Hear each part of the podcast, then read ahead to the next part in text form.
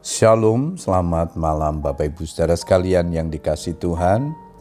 Kita bersyukur kepada Tuhan malam hari ini kita berkesempatan datang kepada Tuhan.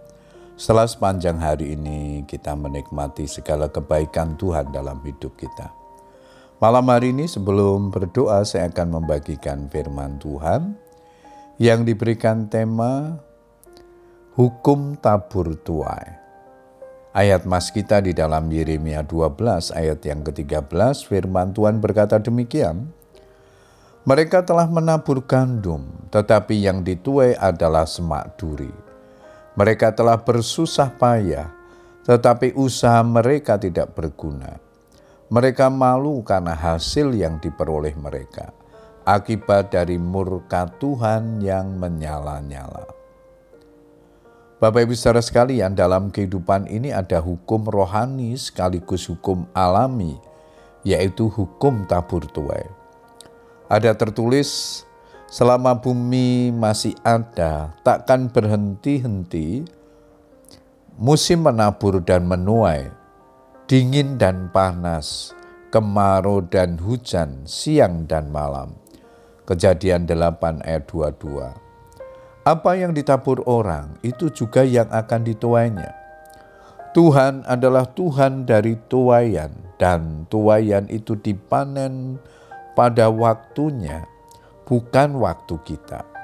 Kalau kita menabur kebaikan, maka yang akan kita tuai adalah kebaikan. Sebaliknya, kalau kita menabur hal-hal yang jahat, dampaknya pun akan kembali kepada kita kita akan menuai hal-hal yang jahat pula.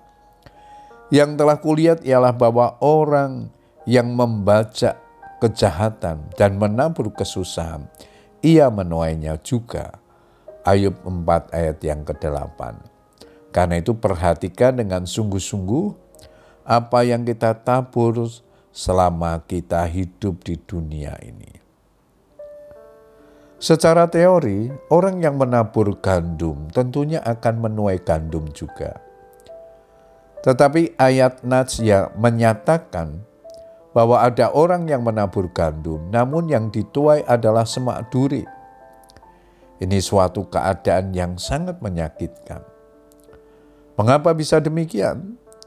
Karena Tuhan memperhatikan motivasi seseorang dalam melakukan segala sesuatu Amsal 16 ayat yang kedua di sana dikatakan segala jalan orang adalah bersih menurut pandangannya sendiri, tetapi Tuhanlah yang menguji hati. Bahkan Mazmur 44 ayat yang ke-22 dikatakan di sana, ia mengetahui rahasia hati. Ketika kita memiliki motivasi yang tidak benar, jahat atau terselubung, Tuhan tahu secara persis karena itu ia tidak akan berkenan dengan apa pun yang kita perbuat. Ia berkata banyak gembala telah merusakkan kebun anggurku, memijak-mijak tanahku, dan membuat tanah kedambaanku menjadi padang gurun yang sunyi sepi. Yeremia 12 ayat yang ke-10. Motivasi atau sikap hati menentukan tuayan. Banyak orang bersikap egois dan mau hidup seenak sendiri dengan menabur semak duri, tetapi berharap menuai gandum. Ada pula orang yang menabur gandum, tapi disertai motivasi yang salah, maka semak durilah yang mereka tuai.